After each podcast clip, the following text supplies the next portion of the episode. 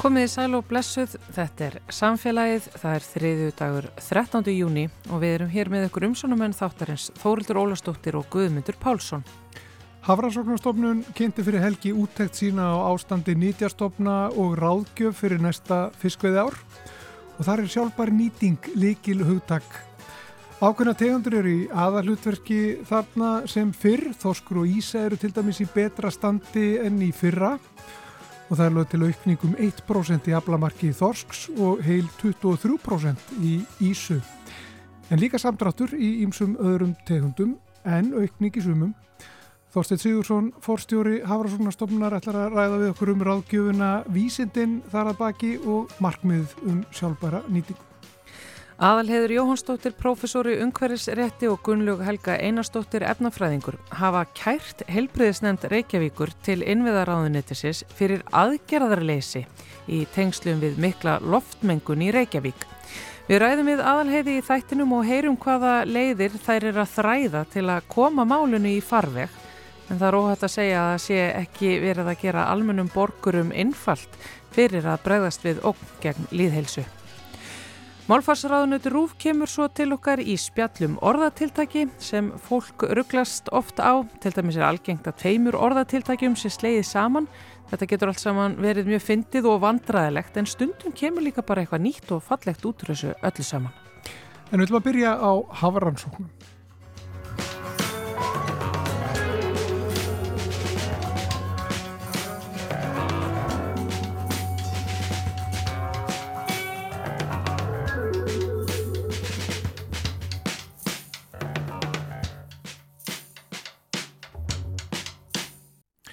Þorstein Sigursson, forstjóri Hárasónastofnunar er sestur hjá okkur, verður velkominn.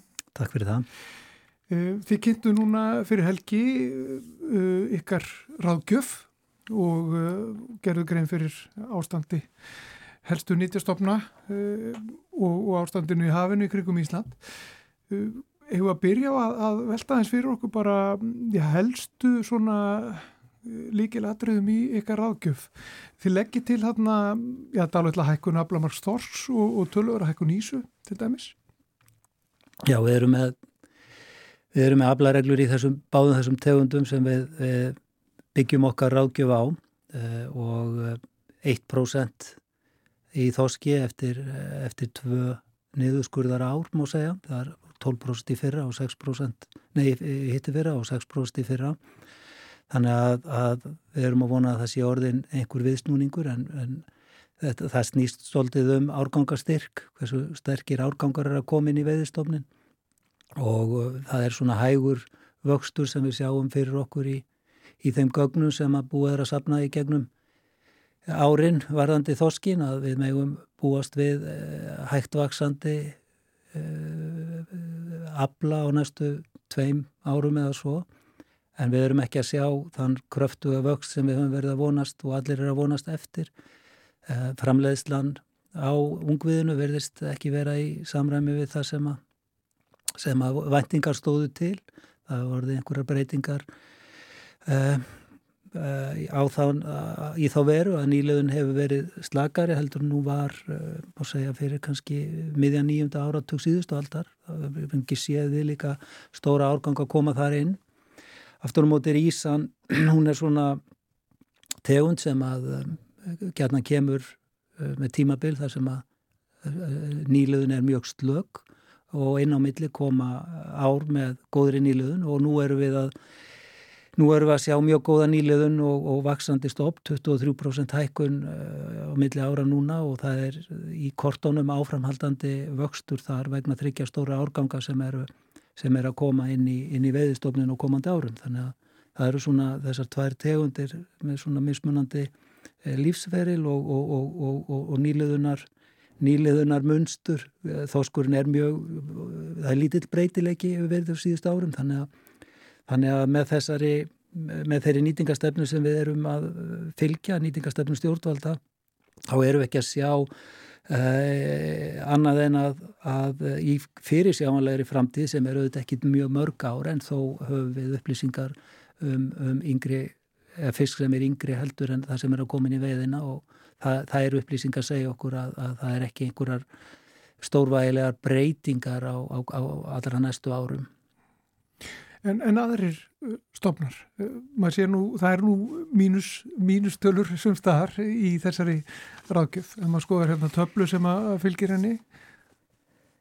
Jú, jú, það eru, það eru, það eru aukningar og mínusar, eh, stæðsti mínusin er kannski, múið segja, djúbkarfin, þar sem að stofnuninn og allþjóða hafrannsóknaráðið jafnframt eru að leggja til að null Eh, ráðgjöfin er núl, það er auðvitað þannig að, að það er óhjákvæmilega einhver meðafli en, en, en ráðgjöfin er lögð svona fram.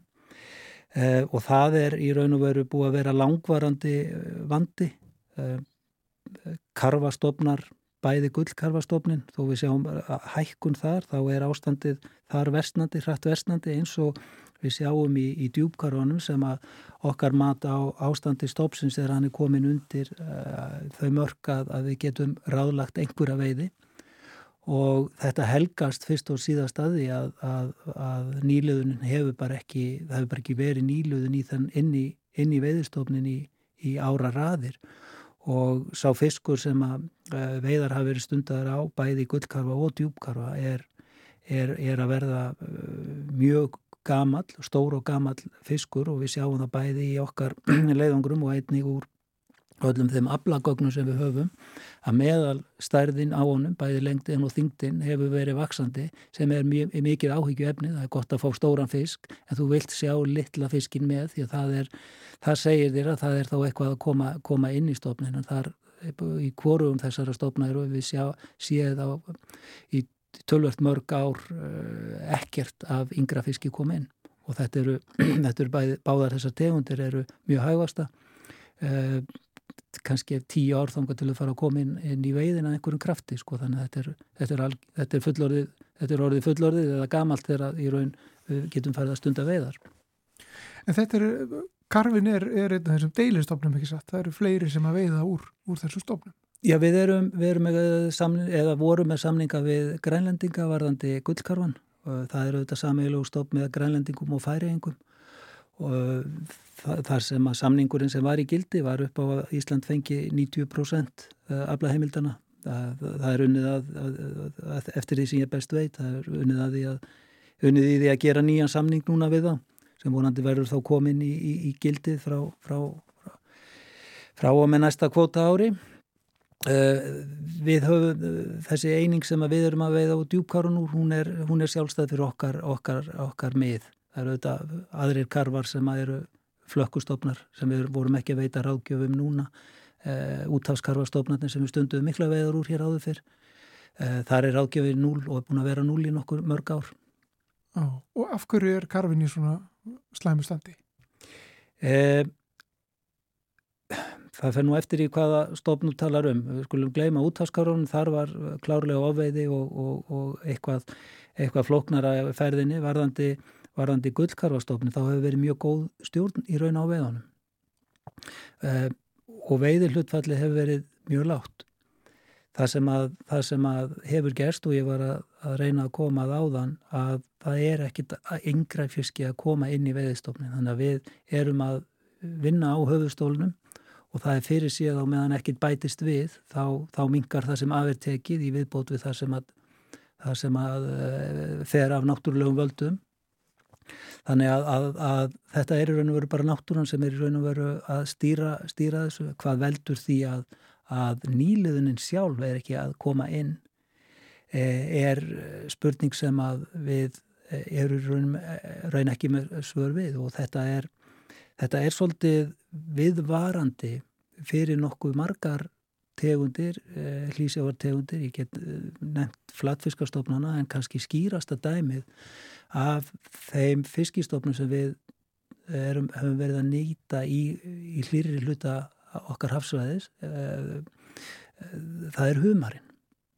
Þar, þar hefur algjör nýluðuna brestur verið og, og hefur skilað sér í, í núlráðgjöf núna á síðustu árum og og, og, og þar er svona nokkuð fyrir sig að ekki verða stundadar veiðar eða það verður allavega í það minnst ekki ráðgjöf uh, um að stunda veiðar uh, á allra næstu árum sko. bara vegna þess að það framleiðslu getan, eða framleiðslan er í raunengin. Mm. Ef þú getur sagt okkur hans frá aðferðafræðinni, hvernig metið þið þessa stopna? Það er farið í stóra leiðangra, við heyrum nú alltaf að tala um, um, um röllin. Já, þetta er í grunninn uh, sko tveir megin þættir sem við þurfum.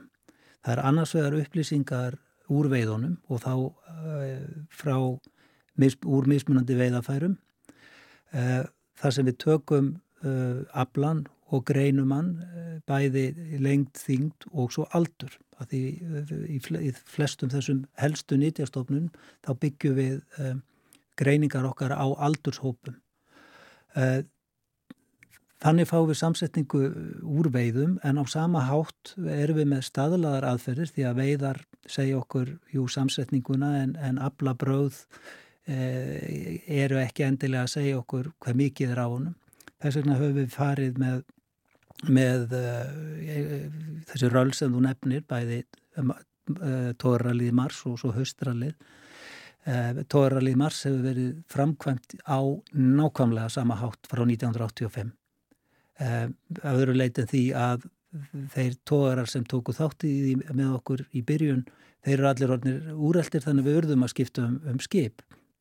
En á öðru leiti eru við að keira það með nákvæmlega sama hætti með nákvæmlega samskonar veðafærum það voru veðafæri sem þóttu uh, góð og fín þá en ég er ekki vissum að, að, að þau myndi skila, skila miklum árangri í dag. En, en engu að síður er þetta okkar tómust okkur að, að hafa Eh, upplýsingar sem eru eh, gefa yfir sín yfir abla með nákvæmlega sama hætti á milli ára gefur okkur möguleikana á að, að skoða þróun í ablabráðu fyrir hvern árgangana.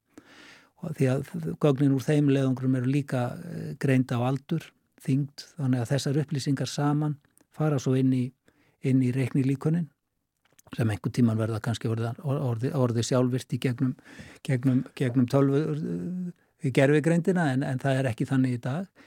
Uh, og, og saman vinna þessir tveir þættir þar sem við lámörkum uh, í raun munin á, á því hvernig útkomuna koma úr hvorum þættinum fyrir sig og, og, og líkonin skil okkur þá, þá fjölda fiska í hverjum árgangi og út frá, út frá því erum við að veita okkar áðgjöf. Og þannig er þá, það er tókað alltaf á sömu stöðum og með sömu veðafærum, eh, nákvæmlega sama aðferðin og þetta er svona þjætt eh, netdeila bara í kringu landið sem að, þar sem er tókað, það er ekki satt? Jú, við erum með, við erum með tæpar 600 stöðvar í mars sem er dreift frá frá Grinstavatninu og, og út á 500 metra, svo erum við með meiri áherslu á, á djúpsáategundir í, á haustin þar sem við erum með rúmar eða 430 stöðvar. Og þar, þar er þetta gert með nákvæmlega sama hætti. Þannig að, að, að þetta er fyrir utan skipin og, og það hefur auðvitað orðið endur nýjun í mannskap. Það er, það er ekki margir sem hafa tekið þátt í öllum röðlónum mm -hmm. en, en þetta lítur þá að vera mikil vermaðt í því að eiga svona langar serjur eins og þú segir sko og geta já, borið sama þá jafnvel við bara aðstæður í hafinu líka, hitast og svo framvegs. Jú, þetta eru þetta, jú, jú, þetta eru langar serjur en, en lífsverð þessara fiska er líka langur. Þannig að við erum ekki með margar kynnslóðir undir. Uh, þannig að í þeim, því samhengi er þetta ekki laung serja þó að hún sé uh, orðin ákvæmlega vermætt í þessu samhengi. Uh, og já, við erum að reyna að átt okkur á, við fáum bæði upplýsingar auðvitað um fjölda fiska en við fáum líka í gegnum bæði, bæði röllin og í gegnum veiðarna líka það, þá fluttning á fiskum, það er semst viðbröð við breytum umhverfisaðstæðum og það orðið, orðið miklar breytingar eh, með hlínuninni sem hefur verið frá, áramót, frá, fyrir, frá því fyrir aldamót að að fiskar eða megin þungi í veiðum uh, og dreifingu hefur, hefur breyst uh, meira fyrir norðan eins og Ísa til dæmis sem, ekki, sem vart sástar fyrir aldamótin það verður miklu meira af henni. Svo hafa aðrar tegundir komið og farið reyndar aftur með línunni og við erum að horfa á þessi gögn saman til þess að reyna að fyrir það fyrsta að sjá hvað veldur en líka þá að tengja þær, þær breytingar sem við sjáum í hafinu og þessar uh, og, og útbreyslu fisktegundana til þess að reyna að skilja betur. Erum því miður, eins og ég sagði áðan við erum ekki að skilja uh, nýluðunabrestin en, en, en uh, upplýsingarna liggja þarna, kannski erum við ekki búin að sapna nóg til þess að geta skilja þetta betur eða, eða þarf að beita einhverjum öðrum, öðrum leiðum en, en þetta er ekki bara þetta er ekki bara vandi hjá, hjá fræðingum hér á landi, þetta er auðvitað Þetta er auðvitað spurning sem allir er að spyrja sig í þessu fæi um allan heim og, og lausnin við því því meður ekki komin mm. en, en því, því meira sem við skoðum og rannsökum þeim nær komust við svarinu, það er bara þannig. Þú, þú myndist á ablareglu áðan. Hvað er ablaregla? Hvernig virkar hún? Ablaregla er í raun uh, í, í sjálfu sem mjög einfalt fyrirbæri. Við tökum aflareglu í þoski sem dæmi þá er, þá er það ákverðun stjórnvalda að fylgja einhverju reglu í að útluta eða ákveða aflamark og í, í tilfelli þossins þá hafa stjórnvald ákveðið að 20% af veiðistofni, það er að segja fiski sem er fjagra ára á eldri skal vera til veiða og við í raunarum veitum ráðgjöf á grundvelli þeirrar ákverðunar eftir að búið er að fara ofan í sauman á því hvort að þessi regla standist þau sjálfbærtni viðmið sem við verðum að, að, að fylgja. Og hún fer í, í ríni bæði innan húsi á okkur og, og, og svo fer hún fyrir sérstakann ríni fund hjá Alþjóð og Hafrásóknaráðinu sem fer ofan í, ofan í, ofan í gögnin vinnubröðin og, og leiðbeinir okkur ef, að, ef þeir sjá eitthvað eh, sem ekki er, er, er rétti eða þá að staðfesta það. Uh, inn í aflareglunni þoski er svo sem við kallum sveiplujöfnun Það er að segja að það er ekki bara 20% af því mati sem við erum með í ár, heldur er tekið tillit til uh, þess sem var útlutað í fyrra, þannig að það, eru, það, eru, það, það gildir til helminga. Mm -hmm. Þannig að það eru 20% af veiðistofni deilt og, og, og helmingur af, það vegur helming og svo aflamark síðast árs vegur helming. Er, þetta er til þess að draga úr sveiplu milli ára sem óhjákvæmilega eru vegna mæliskekkja í í, í niðurstofunum.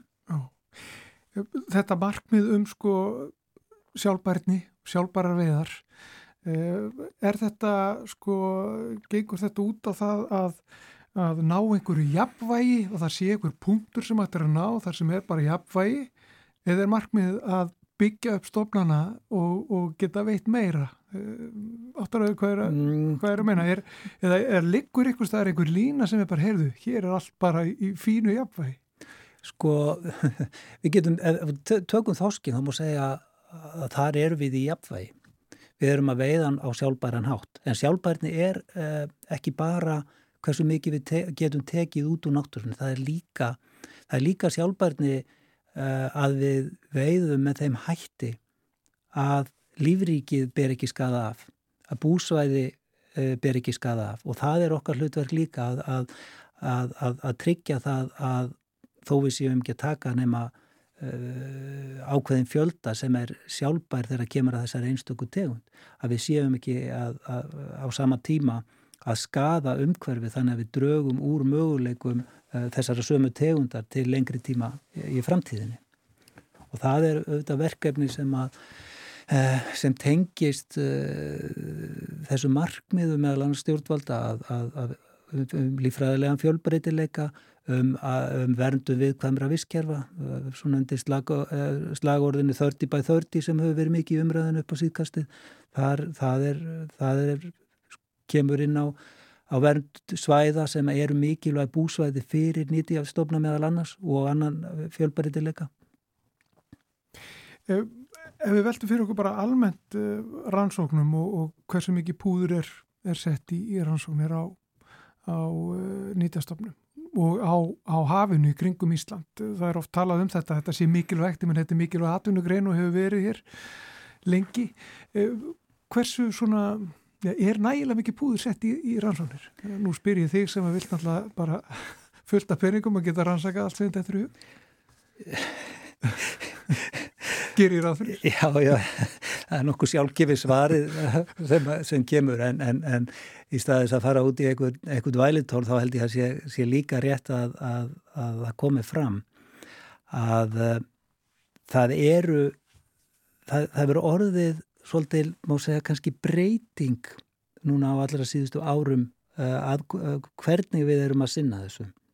Það er rétt uh, það væri ekki þessi velsæld í þessu landi ef ekki væri fyrir fiskveðar og þá er ég að tala til lengri tíma þar sem fiskveðar voru, voru undirstaðan af, af öllum gældaristekjum það sem að, það sem að seg, við segjum alltaf við þið fáið það sem þið borgað fyrir, borgið fyrir. Og ef að stjórnvöld vilja að fá meiri nákvæmni í ráðgjöfina þá, þá er alveg ljóst að, að þar, þar, þar, þar höfum við sagt í gegnum tíðina að það þarf að spýta í. Og þetta höfum við sviðið fyrir eh, niðurskurðar nýpnum eins og aðrar ríkistofnanir við þó sérstaklega taka fram að, að þar er að verða breyting, það er í nýri fjármála áallum sem samtækt er að þinginu núna til fimm ára uh, búið að, að, að hérna, setja inn eblingu hafrannsókna og það tengis meðal annars þeirri miklu umræðu sem hefur verið í samfélaginu meðal annars tengt, uh, tengt uh, þessu verkefni matulegar á þeirra sem kallar auðlendin okkar þar sem að ákall þeirra sem að hafa verið í þessari í þessari, þessari nefndavinnu öllu þeir sem að þeir hafa verið að ræða við þeir, það, það er allir sem eru með ákall um að styðja við þessa rannsóknir og ekki bara vöktun á okkar helstu nýtjastofnun, það er vöktun á, á hugsanlegu nýjum öðlendum það er, hugsa, það er, það er vöktun á áhrifum umhverfis breytinga, súrnum sjávar og svo framvegis. Og þetta er ekki gert eh, án þess að það sé allavega til fyrir ólíunni Ég veit að uh, réttalokum uh, nýtt hafrarssonarskip, það er verið að smíða það ekki satt á spáni. Um, áallegir gerir á fyrir að það eru tilbúið hausti 2024, er þetta allt saman á plani? Já, það er svo gaman að, að fylgjast með þessu, uh, þessu verkefni því að, að hinga til hefur, hefur í raun ekkit óvænt komið upp, það var, kjölurinn var lagður í februar, það er verið að púsla þessu saman eh, eins og legoköpum eh, núna, núna eru vélarnar að koma inn og, og, og eh, það er áætlað að það verði sjósett í oktober á þessu ári. Og þá tekur við vinnan, innri vinnan og, og enn sem komið er, er ekkit sem bendir til annars en að, að það verði á plani. Það er mjög ánægulegt Ljúkum þessu á ánægulegum nótum Þorstein Sigursson, fórstjóra Hárarnarstofnar Takk fyrir komuna í samfélagið. Takk fyrir mig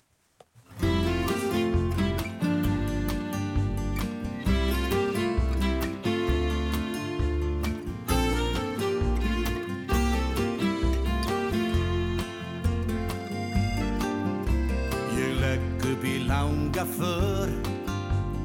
Leiðin er þyrnum stráð. Vonast til að geta í tíma til þín náð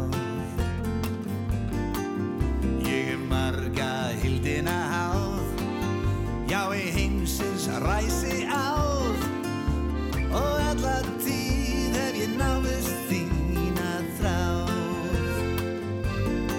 Færið er nætur stað stefna að undir stjörnu himni í nóg Kvöldsins mildatinn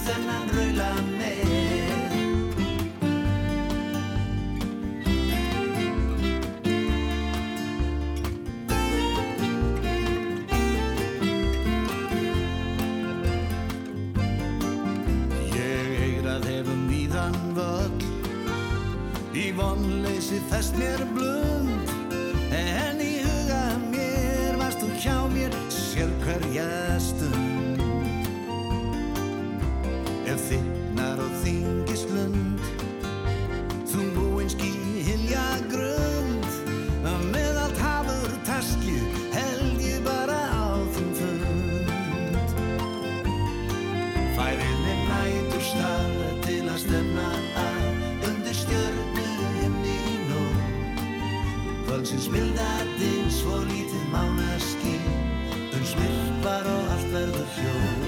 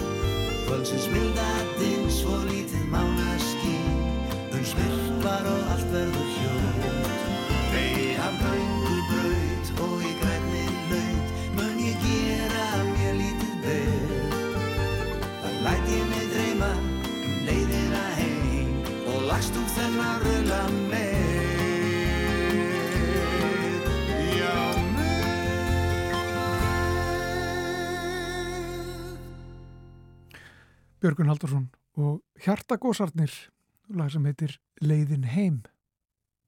Í frettum rúfum helgina var sagt frá því að aðalheður Jóhannsdóttir, profesor í umhverfisirétti og Gunnlaug Helga Einarsdóttir, efnafræðingur, hafi kært til innviðaráðunættisins aðgerðarleysi helbriðisnefnda Reykjavíkur vegna ítrekkaðar loftmengunar í höfuborginni. Aðalheður Jóhannsdóttir er komin í samband við okkur hér í samfélaginu. Sælvertu aðalheður.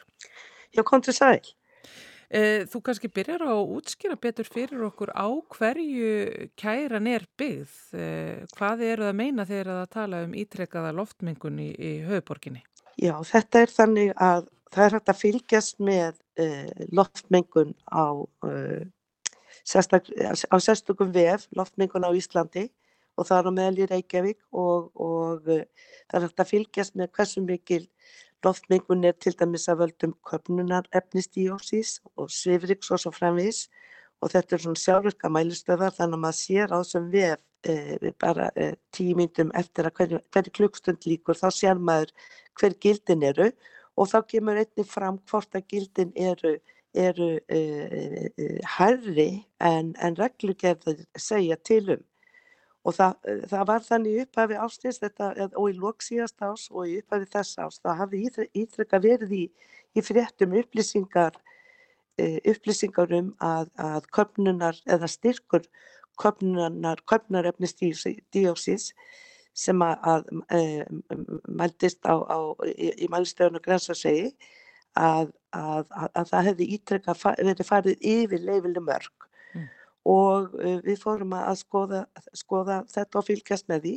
Og við, sérst að því við uh, þekkjum þekkjureglunar þá sáum við strax að, að staðan um, í janúar var svo að skiptin, þetta er svona talið í skiptum sólarhings, sólarhingsmengun en reglunar eru þannig varðandi köpnunar efnisdíoxíð að styrkunum má ekki fara nema í ákveðin skipti á ári yfir viðmiðnagildin en staðan þarna í upphafi í janúar var, var orðin svo að þess að í lók fyrstu viku ásins 2023 þá var búið að fara að mista kosti 30 sinnum yfir klukkstundargildin samkvæmt reglugerðinni en það má bara fara í 18 sinnum yfir á hverju almannasári. Þannig að það var alveg fyrirsjánlegt að, að, að það yrði að gera eitthvað og líka að því að þetta er, e, gerist e, á, á hverju ári eða hefur gerst undanfærin ár í Reykjavík, bæði hvað verðar köpnunar efnistíósið og líka svifrik, þetta hefur líka verið að gerast á Akureyri, að þá er alveg þeirra fyrirsjánlegt að sama staða mun koma aftur upp á síðan hluta þess ás, Mm. er ekki gripið til einhverja ráðstafana að hálfu heilbrísnenda Reykjavíkur til þess að tryggja loftgæði í Reykjavík. En reglurnar sem gilda e- e- um, um loftgæði, þetta er ekki kannski mjög aðgengilegt en, en þetta eru, eru tvær reglugerðar aðalega sem að, gilda um loftgæði og, og gilda um köpnunar efnis díoksíð og uh, samkvæmt reglugerðanum að þá uh, að það er alveg skýrt að heilbríðsnefndir Reykjavíkur á að bregðast við þegar þessi staða kemur upp og, og þegar styrkur köpnunar efnisdíoksís var, var þarna greinlega uh, margsinnis komin yfir mörkin og komin yfir uh, öll ásmörk líka mm. að þá skrifuðum við heilbyrðisnefndinni og við óskum, það var í byrjun eða í lokjanuar og þá óskum við bara eftir upplýsingum um það til hvaða ráðstafana Hilbriðs nefnd Reykjavíkur hefði gripið til sakatreglugerðinni til þess að bregðast við þessum niðurstöðum mælinga vegna styrks körnunar efnistíjóksið og, og, og hvað nefndin ætlaði að gera svo að það er því tryggt að þeir eru ekki farið yfir klukkustundagildin eh, hérna setna á árinu.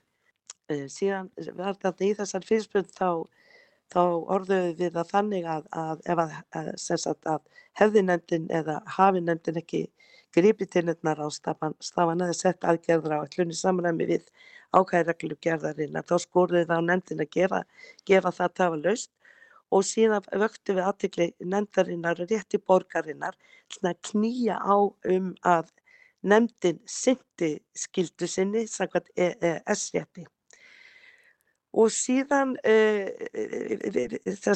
svaraði heilbriðsættir þessu í byrjun januar og taldi að hún, og það hafði reynda komið frem í fréttum líka, en heilbriðsnefndin, sem sagt það er alltaf heilbriðs eftirlittur ekki eitthvað sem svara fyrir heilbriðsnefndina, en, en heilbriðsættir taldi að, að, að hún hefði ekki, hefði ekki næjanlegar heimildir í lögum til þess að, að bregðast við og, og það sem að nefndin gerði og allir eru náttúrulega varið við var að, að, að, að það er bara sendar út viðvaranir og, og tilkynningar og kvartningar hvart til þess að það sé dreyjur umferð og, og það er líka eru sendar út viðvarinir til hópa sem eru viðkvæmur þeir eru varaði við og í raun og veru kvartir til þess að vera heima. En sagt, okkar punktur var allan tíman að, að nefndin sagt, hefði ekki gert það sem látt að gera það er að bregðast beinti við mm. og, og, og, og við töldum að nefndin hefði nægilegar eh, heimildir í lögum til þess að reynlega að takmarka umferð. En það er það sem að þetta snýst um. Það er sagt, að, að vera heima sko, takmarkar ekki umferð, það bara verð þá sem að, að eru þá viðkvæmir.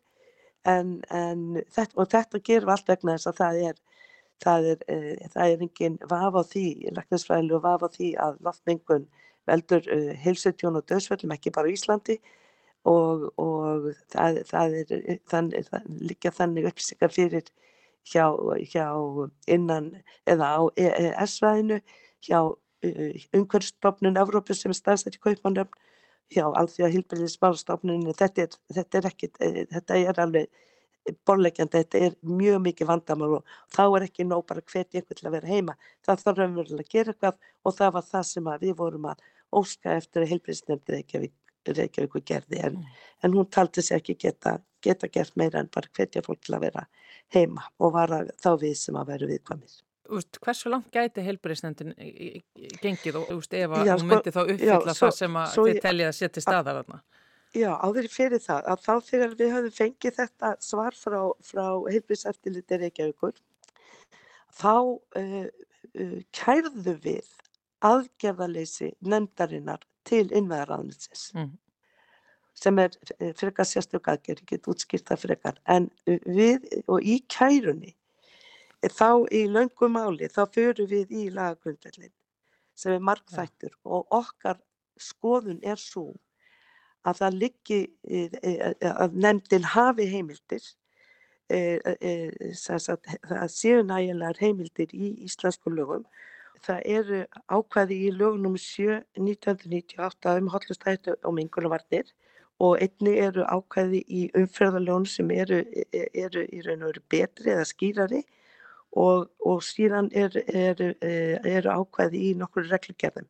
En okkar mati er alveg, alveg skýrt að, að ákvæðin í umfyrðalögunum e, og, og ef maður skoðar, skoðar löskunningar þá er lost að þau voru sett inn til að bregðast við, e, e, bregðast við tilteknum tilskipunum, tilskipunum sem komi gegnum ES samlingin og varða loftgæði. En í umferðarlegunum þá eru heimildi fyrir, er heimild fyrir sveitastjórn að takmarka að banna umferð um stundasæki regnamengunar og síðan eru upplýsingar þar eh, um það í hverju takmarkanar geta falist, fyrst og þess takmarkun umferða bifriða. Og síðan, uh, síðan sagt, byggjum þetta á þess, þessum ákvæðum í, í, í umferðarlögunum og síðan í lögum, lögum um hotlustætt og mingulvarnir og líka á þessu reglugerðar ákvæði sem innleiða allar EES-reglur.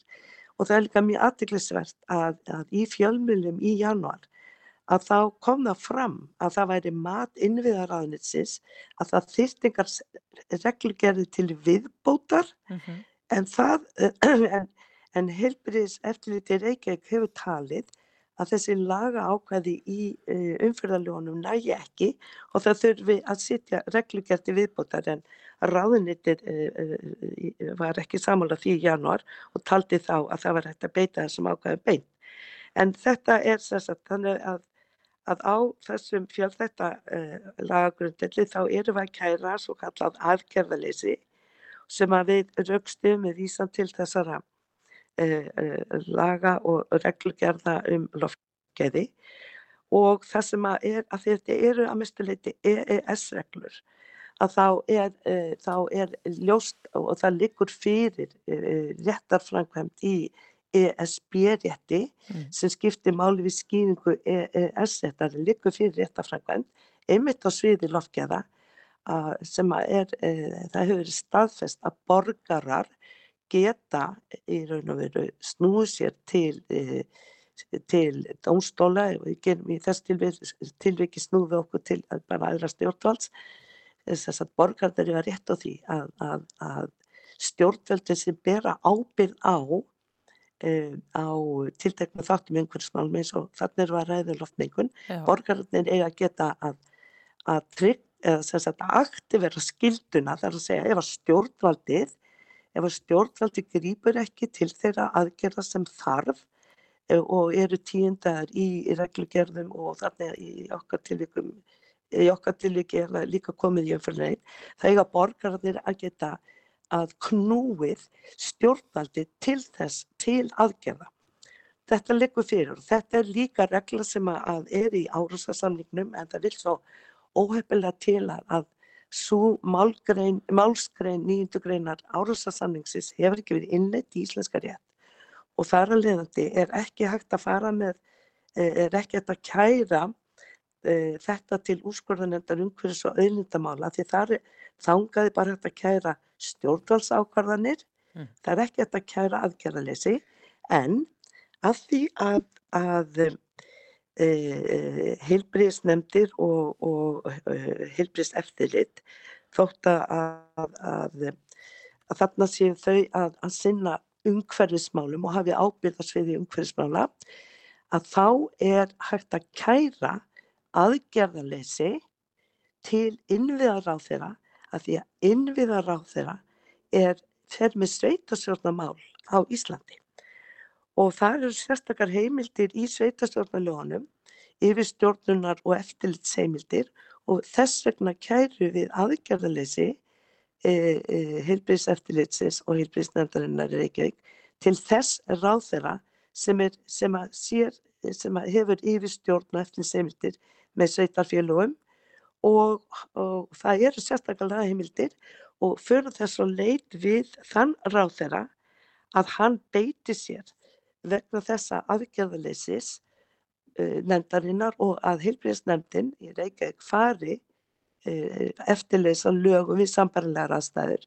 Þannig þetta er tvíþætt, tvíþætt. En annars er að, að ráð þeirra beiti sér vegna þessa aðgerðaleysi sem var í januar og síðan að, að hann tryggi að nefndin fari að lögum eftirleis af því það má búast við því að sambarlegar aðstæður koma upp. Ég veit þetta er svolítið, svona þvælt og flókið en, en þetta að kæra aðgerðaleysi á sviði umhverfis og á sviði umhverfismála er, er, er, er í raun og veru mjög, mjög erfitt hér á landi af því að við höfum ekki innleitt, innleitt eh, á, á, ákveðnar eh, ákveðin ákvæði sem er í svo kallaða árásamniki þá á ég við þrjum álsku nýjöndu greinar ja. en þetta er leið, þarna er leið og sem að hefur í raun og er ekkert með árásarsamninginu gera en hef, getur kannski skilað sömu nýðustuð. En eh, sko aðalheiður, af því að þetta fer ekki inn í svona þessa hefbundnu domstólaleið heldur til innviðaráðunitisins,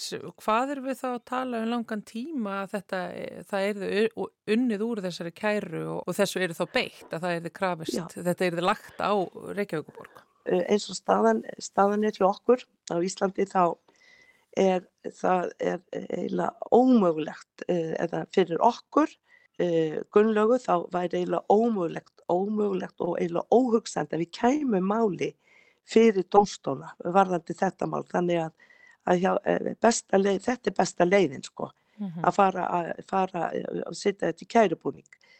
Eh, en, en hversu langu tími kemur til með að líða? Ég hef ekki, ég hef ekki alveg hugmyndu um það en, en sko, ástæðan fyrir þetta komst í fréttir um helgina hjá, á, hjá Rúf er svo að að, að kæran sem að, að við sendum í innveðaráðunitið 1. apríl að hún var eh, núna eh, nokkru mánuði setna já, já. Eh, sendt til umsagnar hjá Reykjavíkuborg og þar skilst mér að, að ég er ekki búin að, að finna það sjálf en þar skilst mér að það komi fram í fundagerð að borgin hafi sem sagt verið að, að skoða kærun og vantilega gefa umstöknum hana eða eitthvað svo leiðis. En ég er ekki búin að skoða það en það er mjög líklegt að, að hefði, að ráðnitið hafi óska eftir umsögn.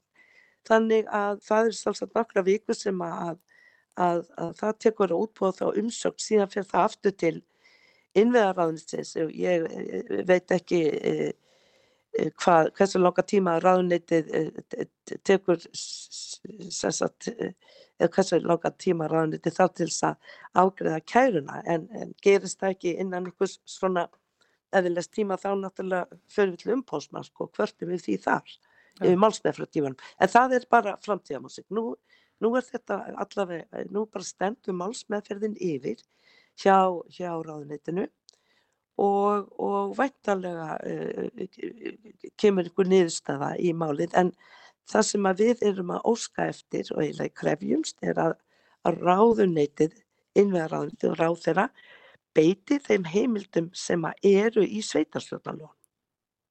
En segjum svo að þetta muni ganga upp allt saman, að, að heilbyrðisnefndin muni bregðast við og fara í þar aðgerðir sem að þið eru að segja sér lagaheimil til þess að gera. Hverjar væru þær aðgerðir?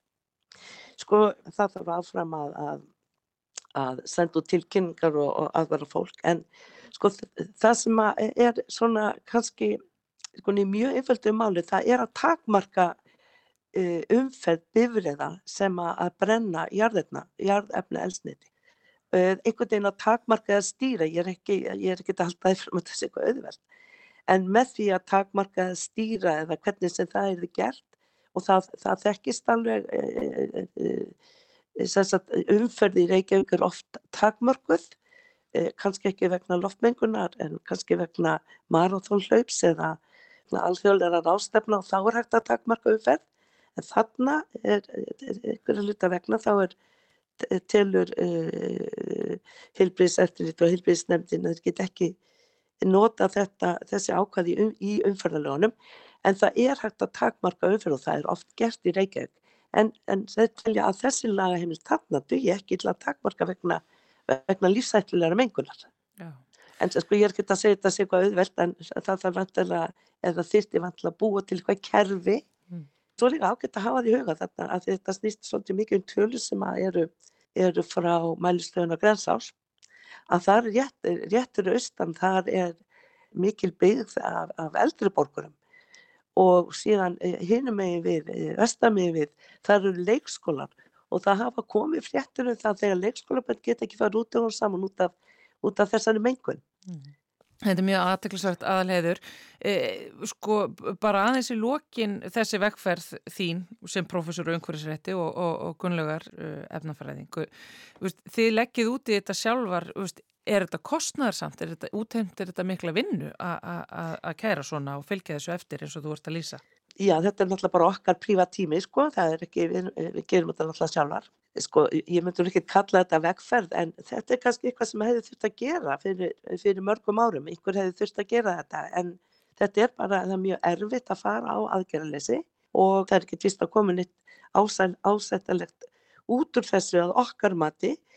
Og þá, þá finnst mér mjög líklegt að, ef að hérna, innverðaðnitið hérna, líkur, eða, líkur við málið að þá fyrir það náttúrulega bara eftir niðurstöðunni ef að, að niðurstaðan er svo að, að, að þessu verði einhvern veginn breytt þannig að að heilbríðseftilit og heilbríðsnefndin verði að grípa til alvöru aðgerða e, við sambarlega raðstæður að þá náttúrulega er engin, ef það er niðurstað þá er, við, þá er okkar markmiði bara náð. En ef það er ekki niðurstaðan þá, þá er einbóðið að, að eða umbósmann þá um að skoða þá niðurstöðu og síðan náttúrulega e, eftir stofnun eftir. Já, þið ætli með þetta bara alla leið. Já, ég meina, e, e, sko, við undir, undirbúinusvinnun er okkur var það lokið, þannig að nú höldum við bara áfram með þetta, bara eftir því hvernig það verður. Takk heilega fyrir að tala við okkur í samfélaginu, verður aðteklisvert að fylgjast með þessu. Aðal Heður Jónsdóttir, profesóru Ungverðsarrétti. Já, sömulegis.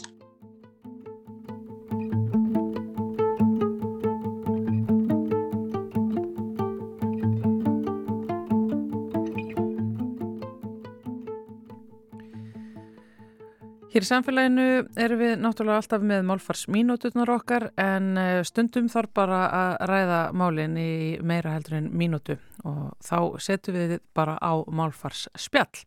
Málfarsraðanötur er sestur hérna hjá okkur, Anna Sigurður Þránsdóttir Sælvertu. Komið sæl. Við þurfum að tala um orðatiltæki.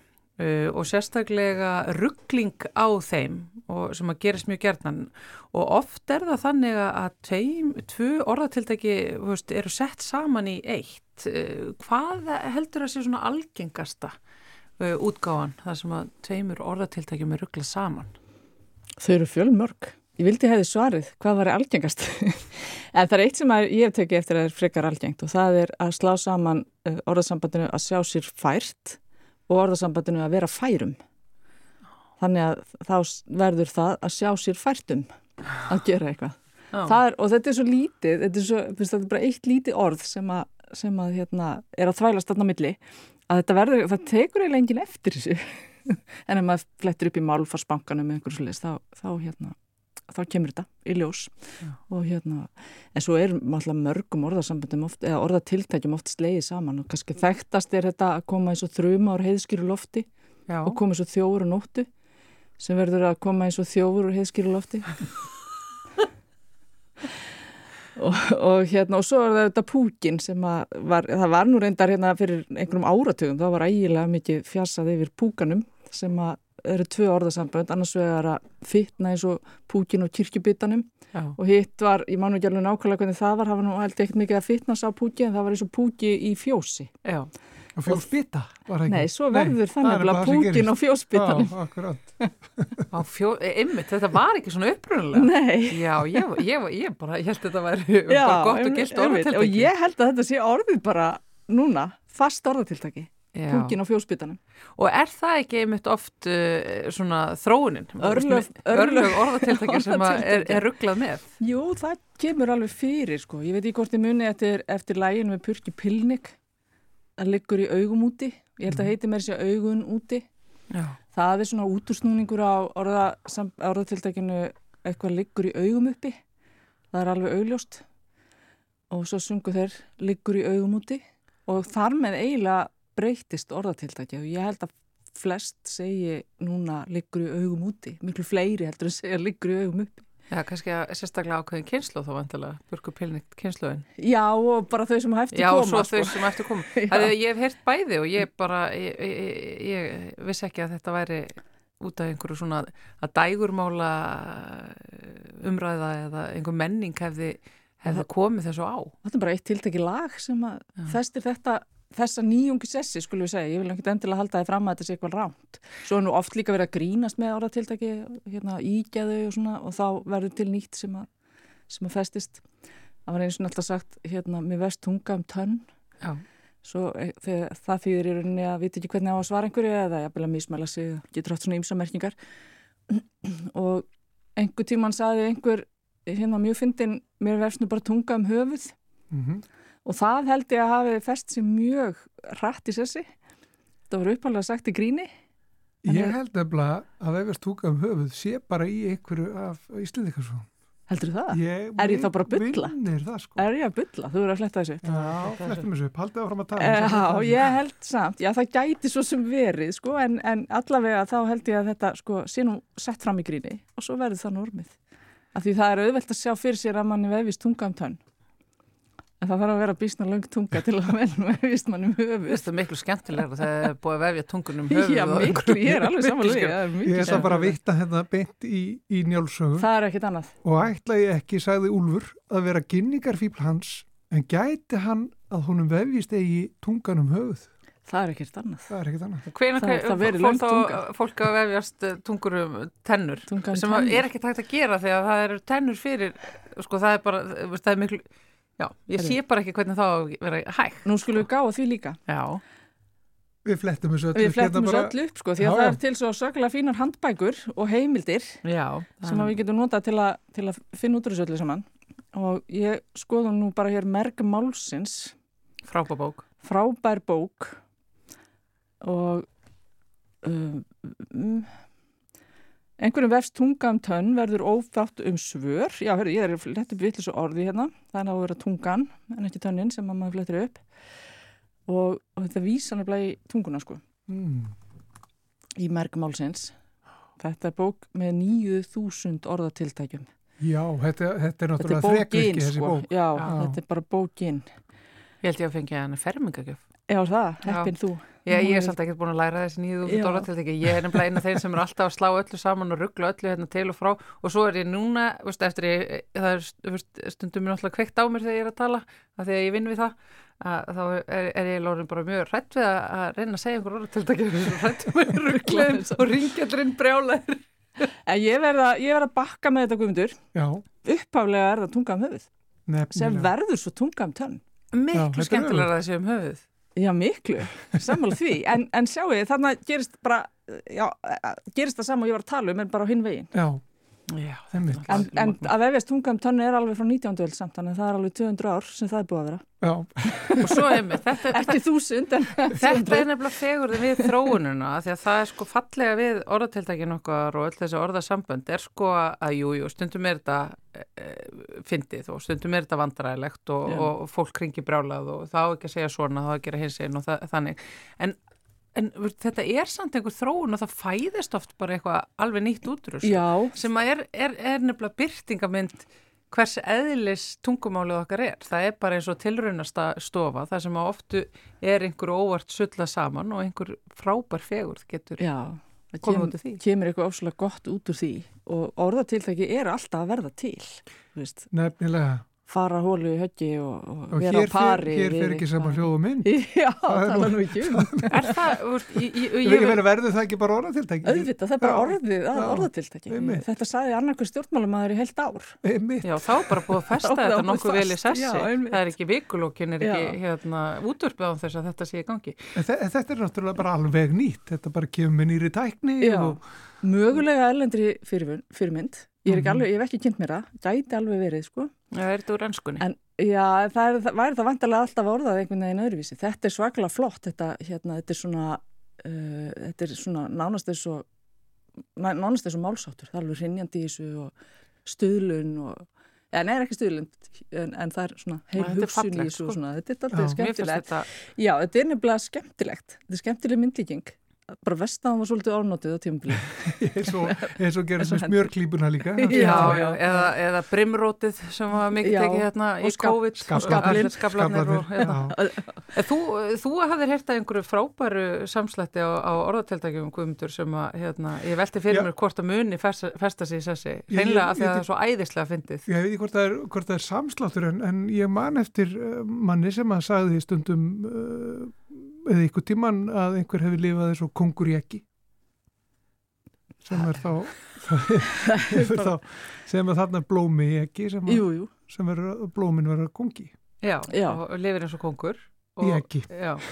Ég glifir þessu kongur ekki. Þetta er nefnilega mjög gott. Mér finnst þetta vera hérna að þetta er sko þetta ítrekkar að tvisasunum hversu hérna vel þessi manneska sem lifir eins og kongur ekki hefur það. Þannig að mér finnst þetta að vera bara, mér finnst þetta að vera ítrekkun á því hversu hérna, hérna gott líf hennar er og mér finnst þetta að vera frábært, þetta er fyndið og þetta er, hérna, gerir alla réttu manneskjöðunar fullkónlega brjálar. Ég bara segi að lifa eins og kongur ekki Má ég staðfesta það bara hér, hérna hjá okkur rásætt að þetta, þetta megi núna? Hvað, hvað segir þú Anna Sigurður? Það er aldrei bannað að, að slá saman orða tiltekki með henni þess að það, við getum ekki bannað fólki, fólki að tala vitlaust eða fara vitlaust með, þetta er ekkert að, ekkert að tala vitlaust, það er ekkert rámt við þetta. Ég held að ef við notum þetta nú oft, ef við byrjum að lauma þessi hérna inn í þáttin hjá okkur og förum að leifa þess að fara, þá átt eftir að festa þessi sessi, koma til kynnslóðir Veist, takk þetta upp og svo verður þetta bara, já þetta er eitthvað úr Íslandíkasögunum, þetta, þetta kemur einhver stöð já, já, já, það er ímislegt svona að sjá sína sæng út breyta, það er líka orðið fast orðið tiltæki. Er, er það ekki rétt? Sko, ég ætla ekki að halda það fram að það sé ránt, en það má hins vegar, hérna ekki... upprunalega var það að sjá sína sæng uppbreyta og uppbreyt sæng er umbúið rúm. Og það, og það er það sem gerist þegar, þegar orðtiltækinn missa merkingu sína þá breytast þau. Já, með öll lifa eins og kongur er ekki. Við þú að fara að segja þetta gott. Eh, komast ekki lengra til miður. Anna Sýrur Þráinsdóttir, Málfarsraðandur. Gaman að fá því heimsók, eins og alltaf. Takk, Takk fyrir komuna. Og þannig ljúku við samfélaginu þennan þrýðju daginn. Já. En það kemur dagur eftir þennan dag. Já, eh, hann heitir miðugudagur. Hann heitir miðugudagur og einhvern tíman slær klukkan 13 á þenn degi og þá fer samfélagið í gang fyrir ykkur kæru lustendur. Guðmyndur og Þóruldur, hvaðja? Verið sæl.